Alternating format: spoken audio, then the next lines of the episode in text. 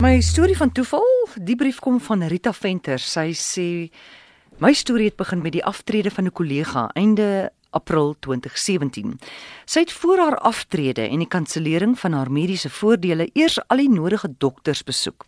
Sy was by die tandarts, die ginekoloog en so ook vir 'n mammogram.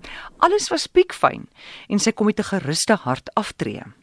So kom ek einde April 2018 by my aftrede en ek dink so by myself Ek gaan haar voorbeeld volg en ook al die nodige dokters besoek. Gelukkig vir my het my mediese voordele voortgegaan na my aftrede want my man is die hooflid en alles is in plek. So dit was nie eintlik nodig nie, maar ek het gedink, ja, laat ek gaan.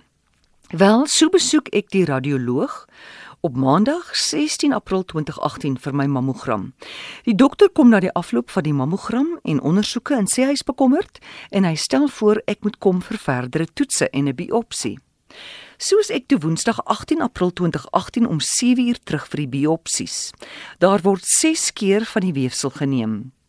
Nou is ek ook sommer effe eh, emosioneel want dis my laaste dag van diens by my werkgewer. Vrydag 20 April 2018 ontvang ek 'n oproep van die dokter. Die oproep wat alle vroue seker maar vrees. Ja, ek het borskanker. Nou vra ek, was dit toevallig dat ek maar my kollega se voorbeeld gevolg het met al die ondersoeke? Ek ondergaan 'n lumpektomie. Dit is die verwydering van die kankeragtige selle in die linkerbors. Dis nie suksesvol nie en die dokter beveel aan 'n mastektomie. Ek besluit dat ek nie oor 'n jaar of weer teruggaan vir my ander bors nie en dat 'n totale mastektomie gedoen moet word. Dus albei borste moet verwyder word.